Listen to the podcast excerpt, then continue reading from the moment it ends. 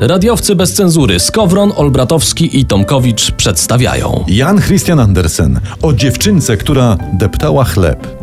Co deptała? Jak deptała chleb? No. Przecież deptać to można, nie wiem, swobody obywatelskie albo konstytucję, ale nie, nie chleb. No, żeby jej, jej twarda piętka podeszwy pokaleczyła. Dokładnie. Jak depcze chleb tostowy, e, e, będąc w butach, to, to nic jej nie będzie, nie Właśnie. pomagacie jej. A właśnie, jak mówicie na końca bochenka? Y, Piętka czy z- z- skipka? Dupka. No, no i to nieco wyjaśnia, nawet całkiem dużo. Y, Co z dziewczynką z No, Kowron? no właśnie, zuchwała dziewczynka, która deptała chleb. Wiecie, co ją spotkało? Co? Tak pyta Andersen. Nie wiecie? Więc posłuchajcie.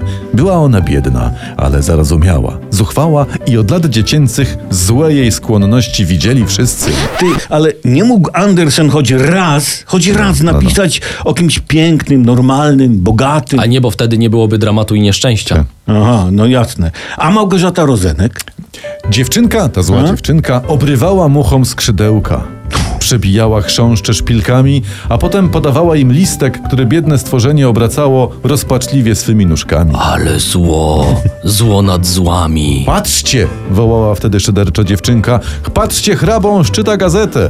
A, na, na, nap- napisali jaką? Nie wiem, no hrabąż to pewnie świerszczyki, No. nie? Wróćmy do dziewczynki, Hania jej było.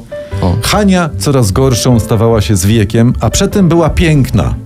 Co jej na złe wyszło, gdyż świat pobłażliwiej oceniał jej wybryki.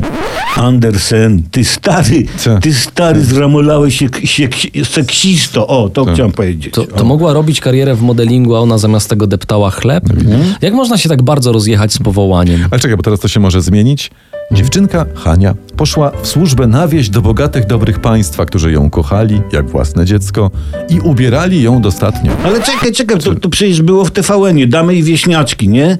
Ja, ja, ja nie wiedziałam, że scenariusz pisał Andersen. Ty, a, a może ona deptała ten chleb, bo była niewidoma? No właśnie. Ty, to jeżeli Andersen to wyjaśni w ostatnim zdaniu książki, to to będzie literacka Nagroda Nobla. tak. A to się okaże później. To się okaże później, bo na dzisiaj kończymy, a sponsorem dzisiejszej bajki dla dorosłych jest Lupapol. Producent nieprzezroczystych lub do oglądania rzeczy, których lepiej nie widzieć. Lupapol.